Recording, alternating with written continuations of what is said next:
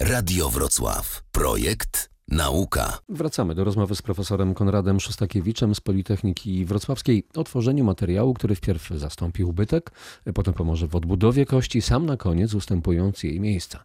W pracach wykorzystują Państwo efekt mechanotransdukcji. Tak, jest to efekt, y, który też jest podpatrzony w przyrodzie. Proszę zwrócić uwagę, jak kosmonauci wracają na, na Ziemię, mają pewne problemy. Te problemy związane są między innymi z tym, że obniża się znacznie gęstość mineralna kości. I bierze się to stąd, że no, po prostu no, nie, nie używamy prawda, naszych mięśni. Tak jak się mówi pospolicie... mm, Narząd nieużywany zanika. nieużywany zanika. No i tutaj chcielibyśmy w drugą stronę podziałać, to znaczy chcielibyśmy mm, stymulować e, komórki do tego w sposób mechaniczny. Czyli Yy, narząd to- im częściej używany, tym mocniejszy, bardziej wytrzymały? Tak, po prostu chodzi o stymulowanie komórek po to, żeby jak najszybciej mm, zagoić ten ubytek kostny.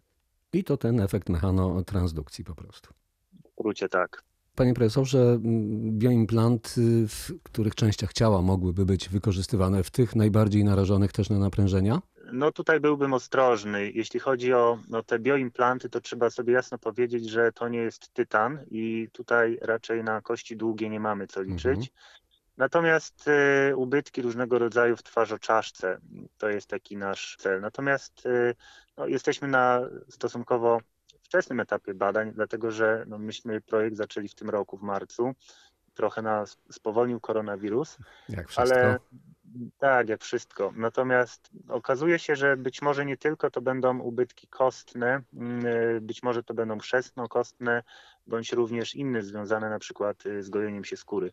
Y, Takie założenia nie były mm, brane pod uwagę na początku, ale ponieważ jest to projekt badawczy, pewne wyniki uzyskujemy w trakcie i będziemy starać się rozszerzać ten projekt również o takie zagadnienia. Czy projekt badawczy to projekt w tym przypadku, który skończy się pracą naukową czy konkretnymi wnioskami, ale bez zastosowania komercyjnego? Czy to komercyjne zastosowania, mówił Pan o badaniach na zwierzętach między innymi, będą przewidziane w finale projektu? To jest tak, że założenie jest takie, że to jest projekt e, naukowy, projekt, e, w którym e, no, musimy pewne zależności pomiędzy, no, oddziaływania pomiędzy materiałem a, a komórkami, czy mm, oddziaływanie na zwierzęta zobaczyć, takie jak na przykład toksyczność ostrą, prawda?